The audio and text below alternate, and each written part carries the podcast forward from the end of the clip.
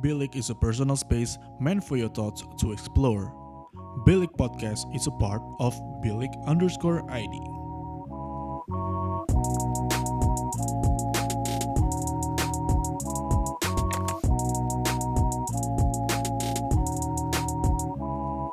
Bilik, your thoughts matter.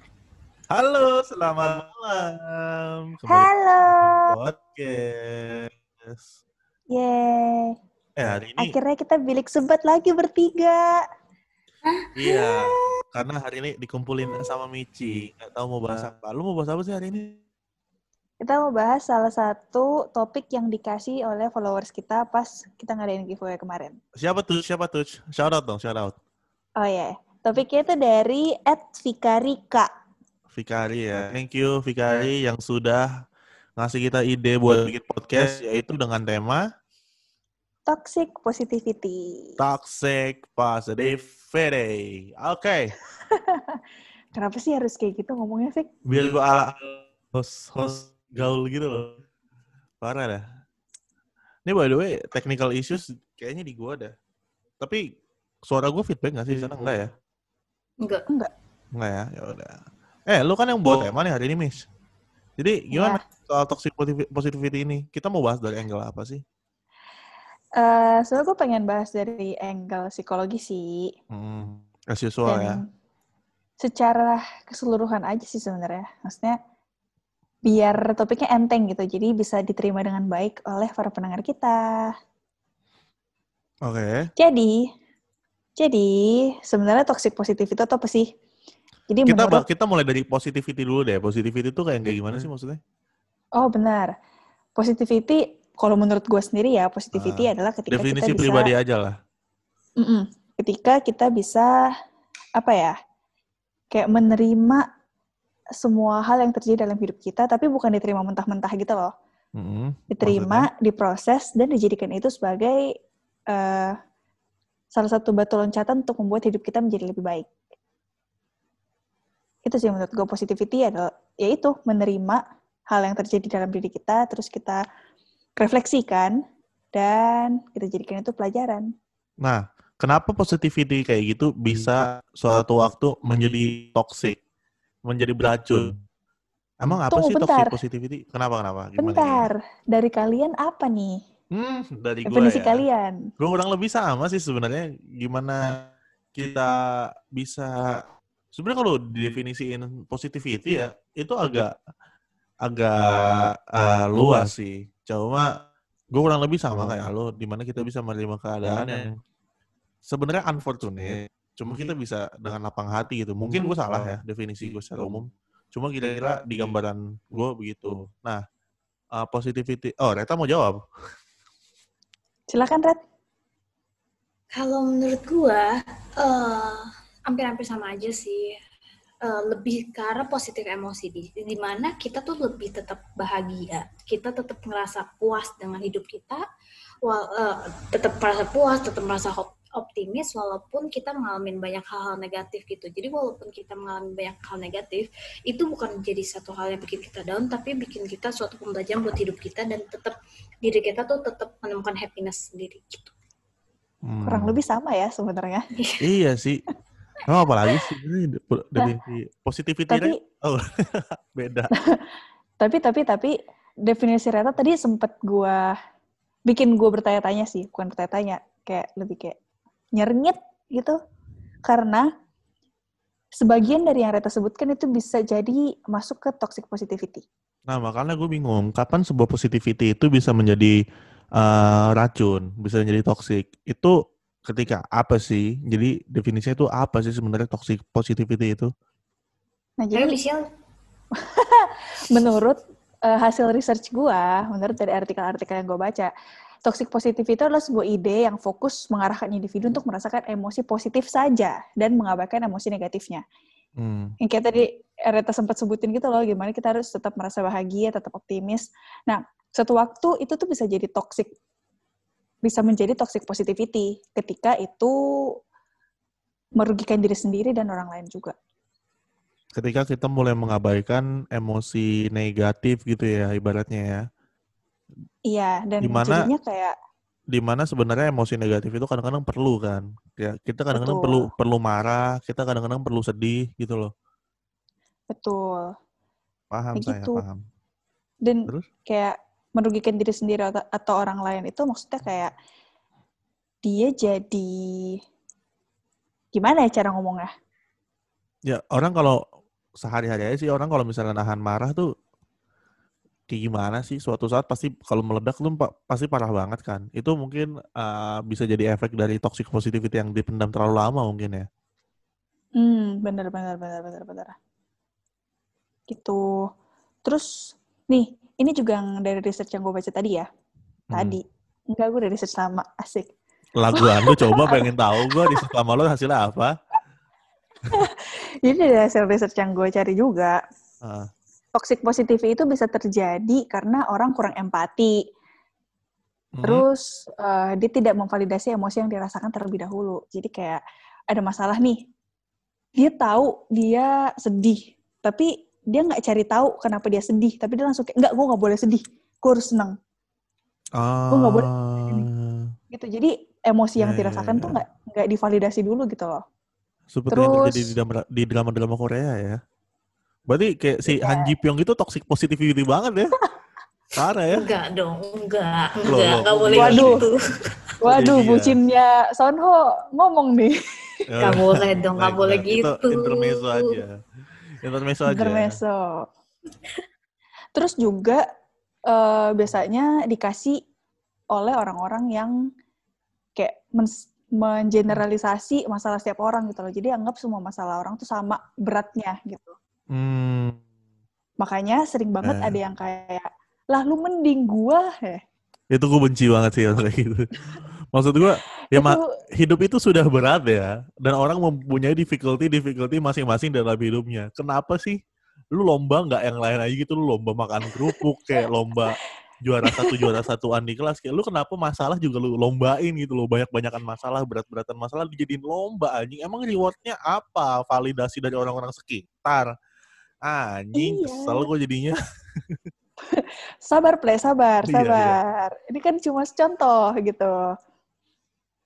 Coba dari tadi Reta gerak-gerakin badan seakan-akan kita bisa lihat gitu loh. Maksudnya pendengar kita bisa lihat gitu dia gerak-gerak kayak gitu. Oh, oh jelas. Nanti kan bakal masuk di IGTV. Oh, Woi, janganlah. bener.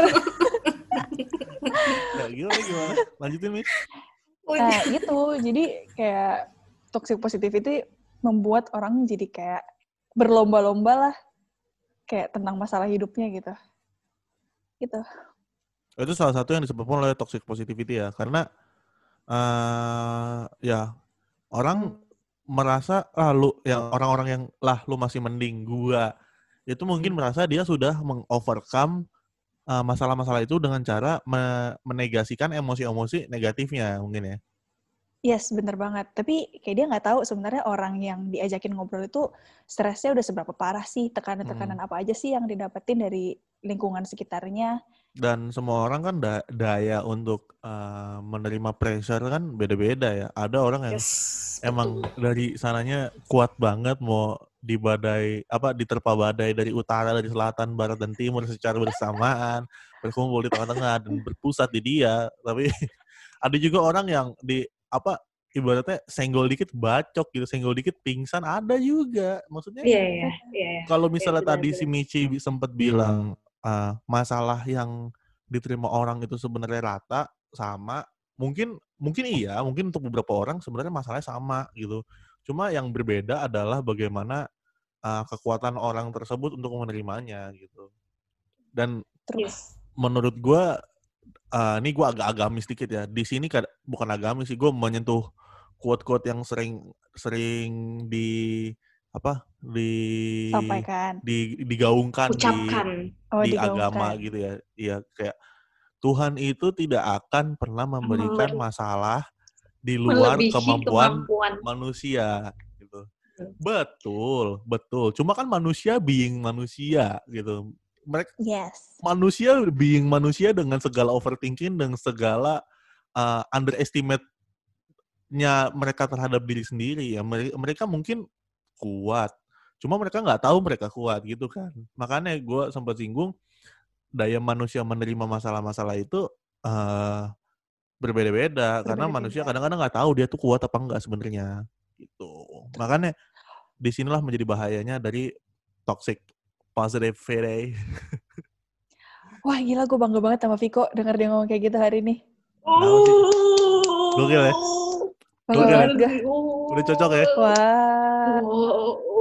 Biasa Oke. aja anjir terus apa lagi yang lu Makanya temu emang- iya lu daripada jadi tim horor mending lu ngomong Ren Iya benar.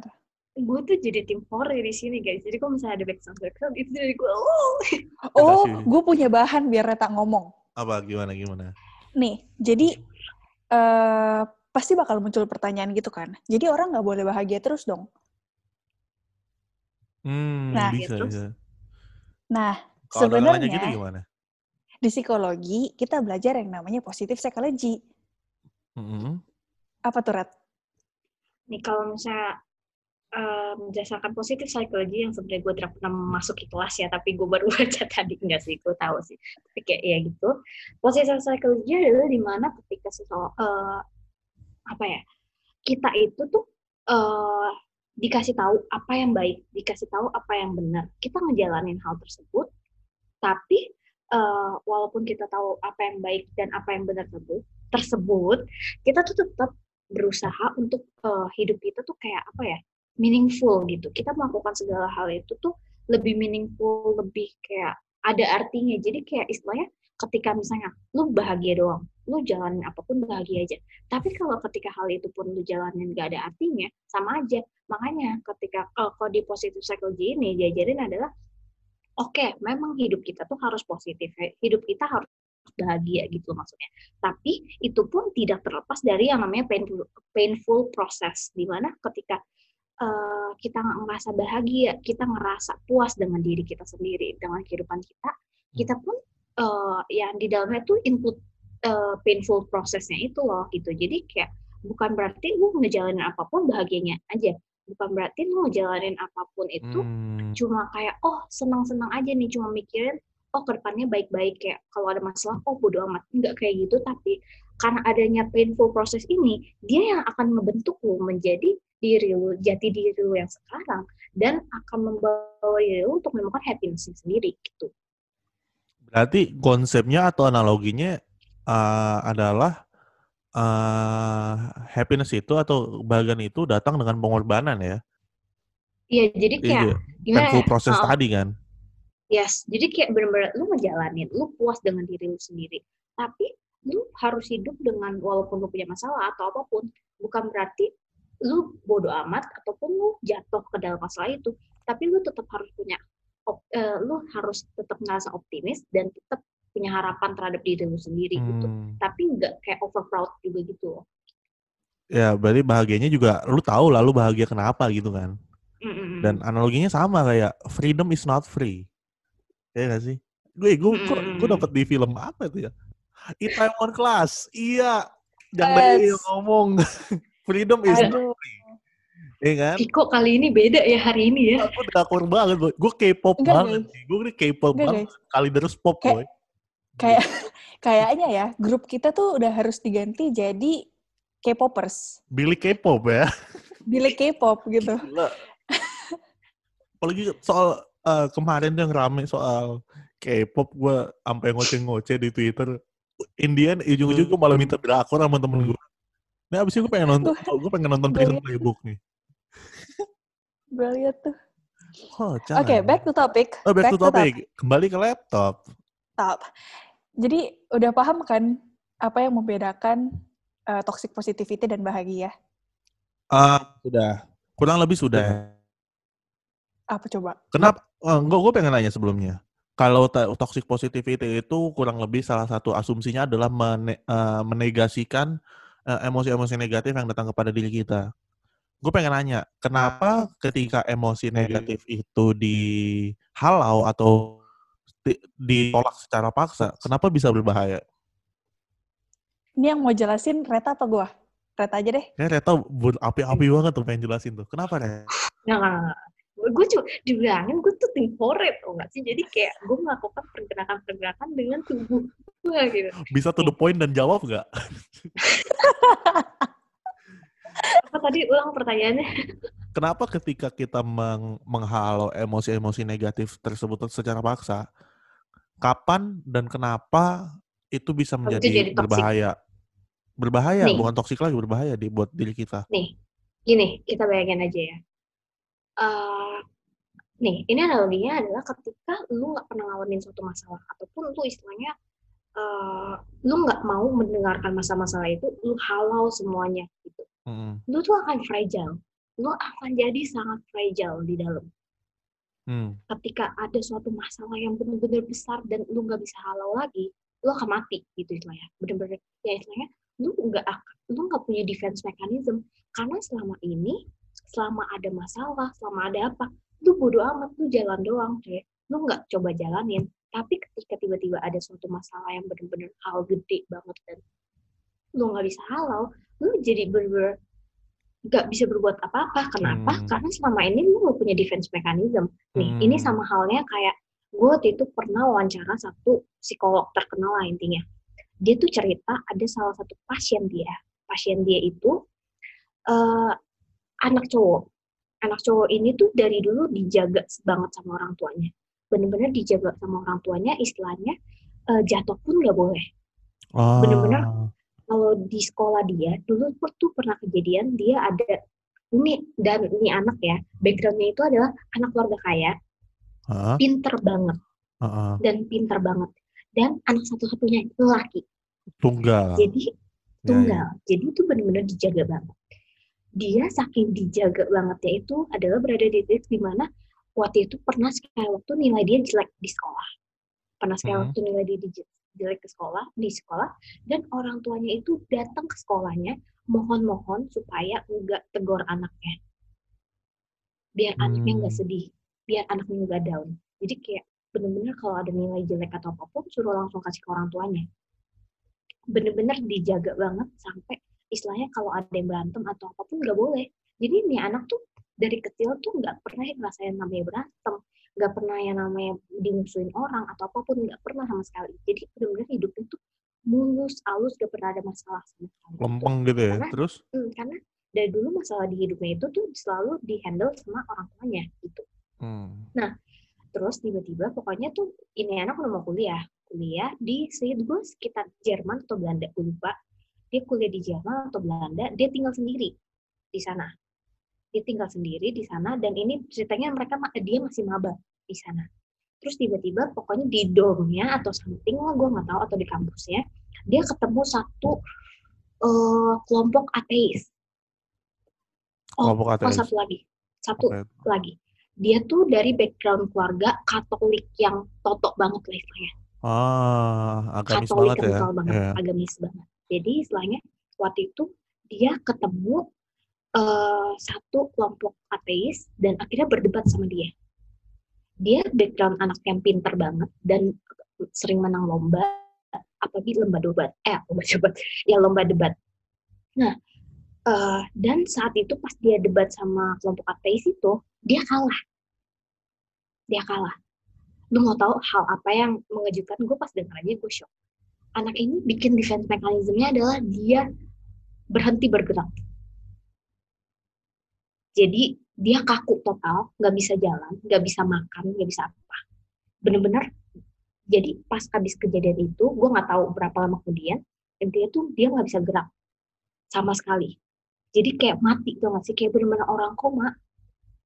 Bener-bener akhirnya dimasukin rumah sakit. Jadi tuh makannya aja tuh harus lewat infus. Tapi pas Wah, masuk rumah pas Gara-gara masuk kalah rumah debat, sakit Cuk. itu, nih pas masuk rumah debat sakit ya? itu ih ini yang lebih mengagetkan adalah pas ditanya nih ke dokter dokternya bilang kalau misalnya anak ini tuh nggak ada penyakit apa pun jadi mau dikasih obat dikasih apa pun anak ini tuh nggak bisa disembuhin Karena Jadi emang nggak sakit kan, gitu kan. Secara fisik nggak sakit memang. karena mentalnya mentalnya ngeblok dengan cara itu dengan cara mematikan badannya dengan Wah, cara mematikan gila. badannya gue pas denger itu ya. aja. Ngeri, coy. dan dan ternyata tuh akhirnya tuh dari eh, negara sana tuh gue nggak tahu kebijakannya adalah kalau misalnya anak ini mau diobatin di negara sana itu dia udah nggak boleh kuliah di sana lagi. Kalau dia mau kuliah di sana lagi dia harus dibalikin ke Indo. Diobatin di sini baru balik lagi. Akhirnya kan nyokapnya itu sayang banget ke anaknya. Akhirnya dibawalah ke Indo. Gue gue nggak tahu deh sampai sekarang kejadian eh, gimana anaknya Hmm. Gue pengen nge-highlight soal uh, defense mekanismenya deh. Berarti uh, ibaratnya kayak kita menerima penyakit aja gitu ya. Kalau kita sering menerima penyakit kan sebenarnya nggak nggak bagus juga sih sering menerima penyakit. Cuma dari penyakit-penyakit yang pernah kita derita kan uh, badan kita akan membentuk uh, imun kan, imun yang baru yang semakin semakin ibaratnya semakin sering kita kena penyakit ya imun kita pas udah sembuhnya bakal makin kuat gitu. Berarti ini kurang lebih sama ya kalau kita emang menghalau menghalau uh, masalah-masalah tersebut, menghalau emosi-emosi negatif tersebut, jadinya kita kita nggak punya imun untuk menghalau masalah yang lebih besar kan? Mm-mm, Tuh. Gue pengen nambahin dikit sih. keren juga anjir, bukan keren sih, lebih ke gila ya. Cuma kalah debat bisa sampai koma gitu. begitu. Ya. Ngeri banget cuy. Gila. Gimana gimana misi? Ya, gue pengen nambahin dikit. Jadi, em, gue pengen kasih analogi sampah yang ditumpuk terlalu banyak lama-lama akan baunya akan Iya. sangat mengganggu kan. Ah ya, Pula benar-benar. dengan emosi-emosi negatif yang kita hiraukan atau kita simpan. Jadi Hmm. kalau ada emosi negatif, pasti ada sesuatu yang men-trigger dong. Kalau Hmm. hal yang men-trigger itu kita tidak pernah selesaikan, amin kita nggak pernah cari tahu, kita nggak pernah selesaikan, itu akan tertumpuk terus dalam diri kita. Nah, Hmm. kalau sudah tertumpuk terus nggak pernah diselesaikan sama kayak sampah tadi, jadinya keluar baunya ke mana-mana gitu loh. Itu bisa berdampak ke hal-hal lain juga sama yang kayak tadi Rata cerita, bisa jadi badan kaku, bisa jadi lu jadi nggak kenal diri lu sendiri, ya gitu-gitu. Dan simptom pasti ada simptom-simptomnya yang uh, yang bakal keluar kan kalau misalnya ibaratnya emosi ini udah tertumbuk kan. Misalnya kayak ini orang jadi cranky banget, jadi uh, jadi pendiam banget, yang kayak gitu-gitu pasti ada lah ya. Hmm. Gimana? Nih, gue mau nambahin lagi. Gue mau nambahin lagi. Jadi, eh, ini. Kalau yang gue mau nambahin yang dari Michi bilang tadi. Bener yang kata Michi bilang. Contohnya aja nih. Ada dulu, eh, bukan dulu. Gue punya adik-adikan lah istilahnya. Adik-adikan di mana dia cerita dia punya masalah keluarga. Masalah keluarga dan masalah dengan di kampus dia. Terus dia itu tuh, dia selalu kayak bilang, udahlah Ci, ini tuh gak bisa diselesaikan gimana pun caranya gitu. Maksudnya kayak dia stres banget sampai dia mencoba eh, bunuh diri berkali-kali gitu.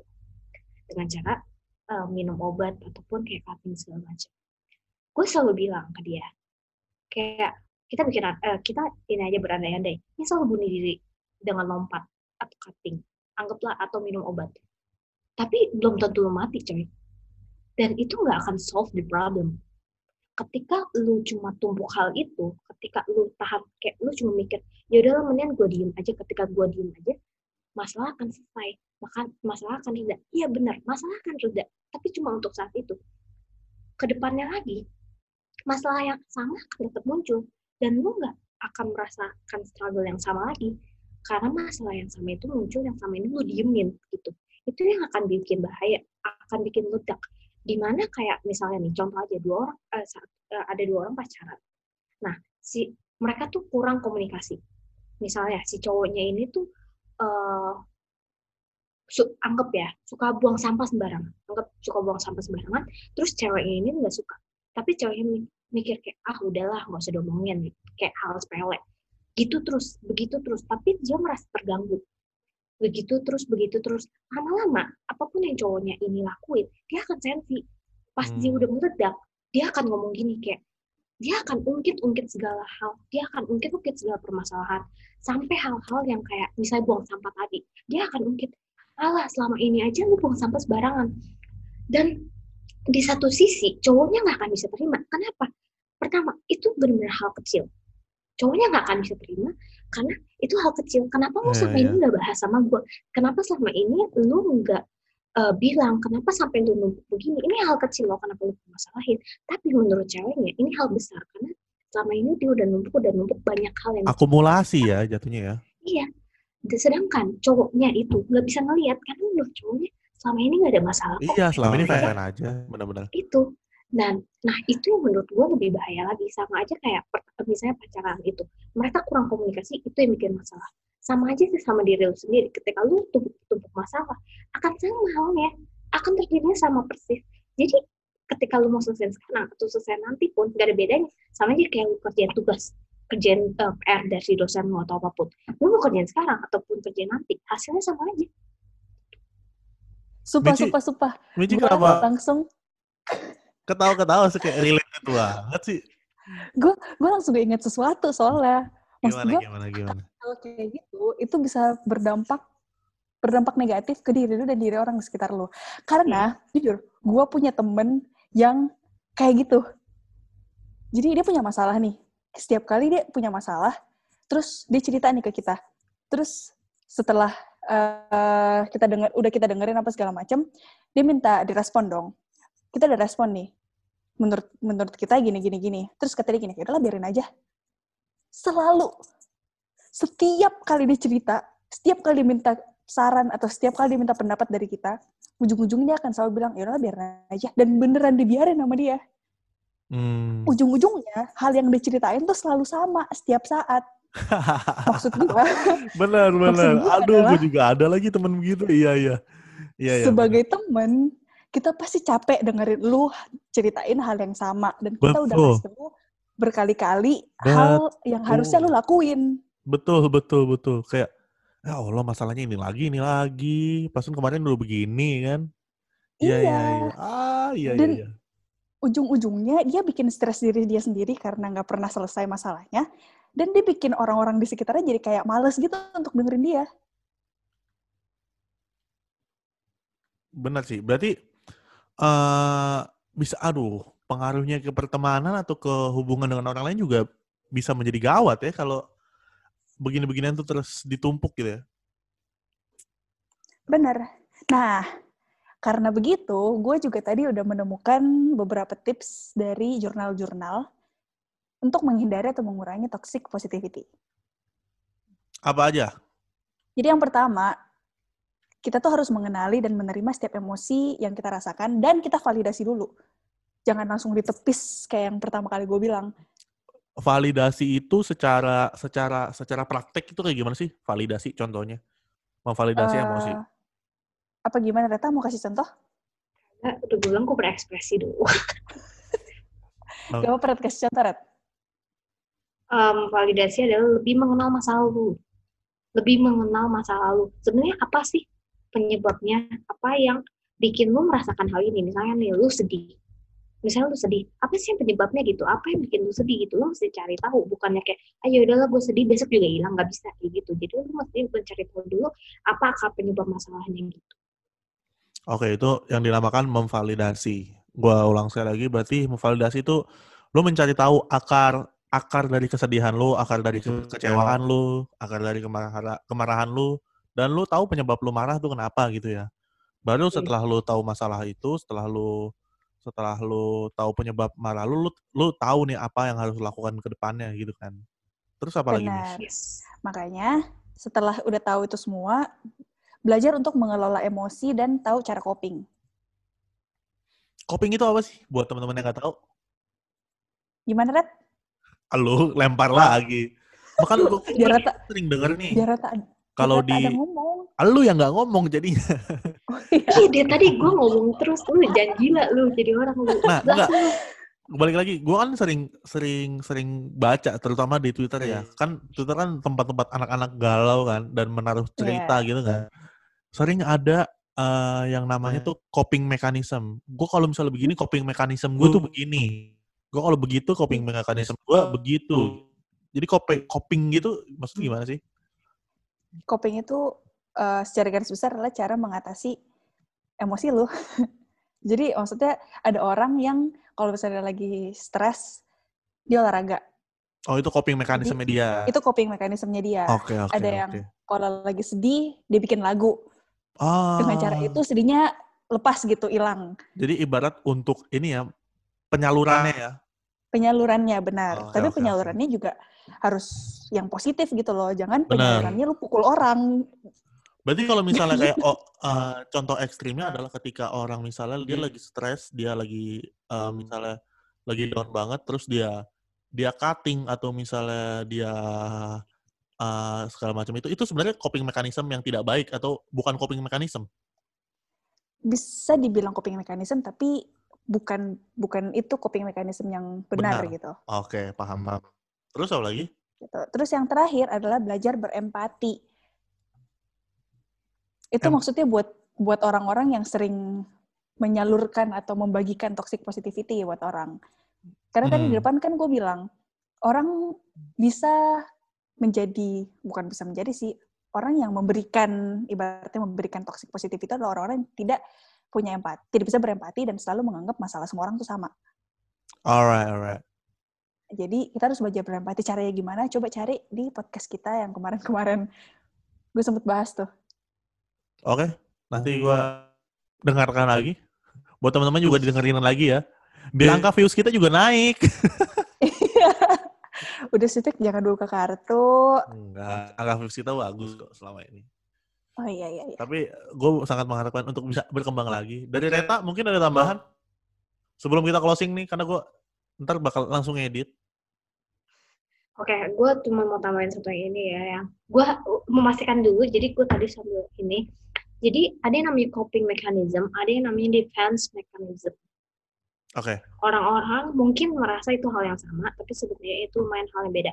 Coping, dua-duanya adalah sama ketika lu menghadapi suatu masalah. Tapi itu lebih kayak, kok misalnya eh dua-duanya itu dan itu, dua-dua hal itu tuh muncul secara eh, kita unconscious. Kita akan muncul itu secara nggak sadar. Nah, kalau misalnya tunggu sebentar ya. Misalnya eh eh, coping mekanismenya itu bentar. Kok gua jadi salah anjir. Nih, coping mechanism itu gimana kita kan menyelesaikan suatu masalah segala macam. Itu tuh contohnya kayak kita denial segala macam. Eh, bukan. Coping mechanism adalah misalnya contohnya ketika kita stres itu kita makan. Kayak gue, contohnya ketika gue stres, gue melakukan hal-hal behavior seperti gue makan. sama. Tapi defense, Terus, defense mechanismnya itu adalah suatu hal yang lu uh, lakukan secara tidak sadar. Adalah defense mechanismnya itu lebih ke arah misalnya lu denial. Ketika ada masalah kayak enggak kok, gue nggak ngalamin itu kok gitu. Itu yang lebih ke arah defense mechanism. oh berarti konotasinya lebih negatif ya defense mechanism ya? Enggak, dua-duanya sama aja. Bisa positif, bisa negatif. Soalnya yang kayak tapi lebih ke secara eh, satu tuh behavior, satu secara mental gitu. Kayak misalnya Hmm. coping itu tuh dia melakukan secara behaviornya itu gimana? Misalnya dia generalization, artinya dia ngomong ke orang-orang kalau misalnya eh, segala masalah itu dia sama yang kayak tadi, kayak oh masalah kita semua sama kok kayak gitu. Tapi kalau misalnya yang defense mechanism-nya itu eh, secara nggak langsung. Oke, oke. Ya sudah, mungkin itu aja pembahasan singkat kita soal toxic positivity. Terima kasih sekali lagi buat Fikari ya untuk temanya yang bisa kita angkat di episode kali ini. Eh, Thank you, teman- Fikari. Thank you Fikari. Te- Teman-teman eh, yang kemarin sempat ngasih tema juga, jangan khawatir. Mungkin kita akan secara bertahap ya nge-up tema-tema itu menjadikan eh, episode podcast kita. Ada tambahan nggak? Kalau nggak, gue tutup nih. Gue mau tambahin ini aja sih, podcastnya supaya kalian gak susah cari, yang tadi gue bilang. Belajar cara berempati itu ada di episode 38 judulnya. Lah lo masih mending, gue malah. Didengerin ya. Thank you dan see you next Bilik Podcast hari ini. Kita closing dulu ya. Bye. Bilik is a personal space meant for your thoughts to explore. Bilik Podcast is a part of Bilik underscore ID.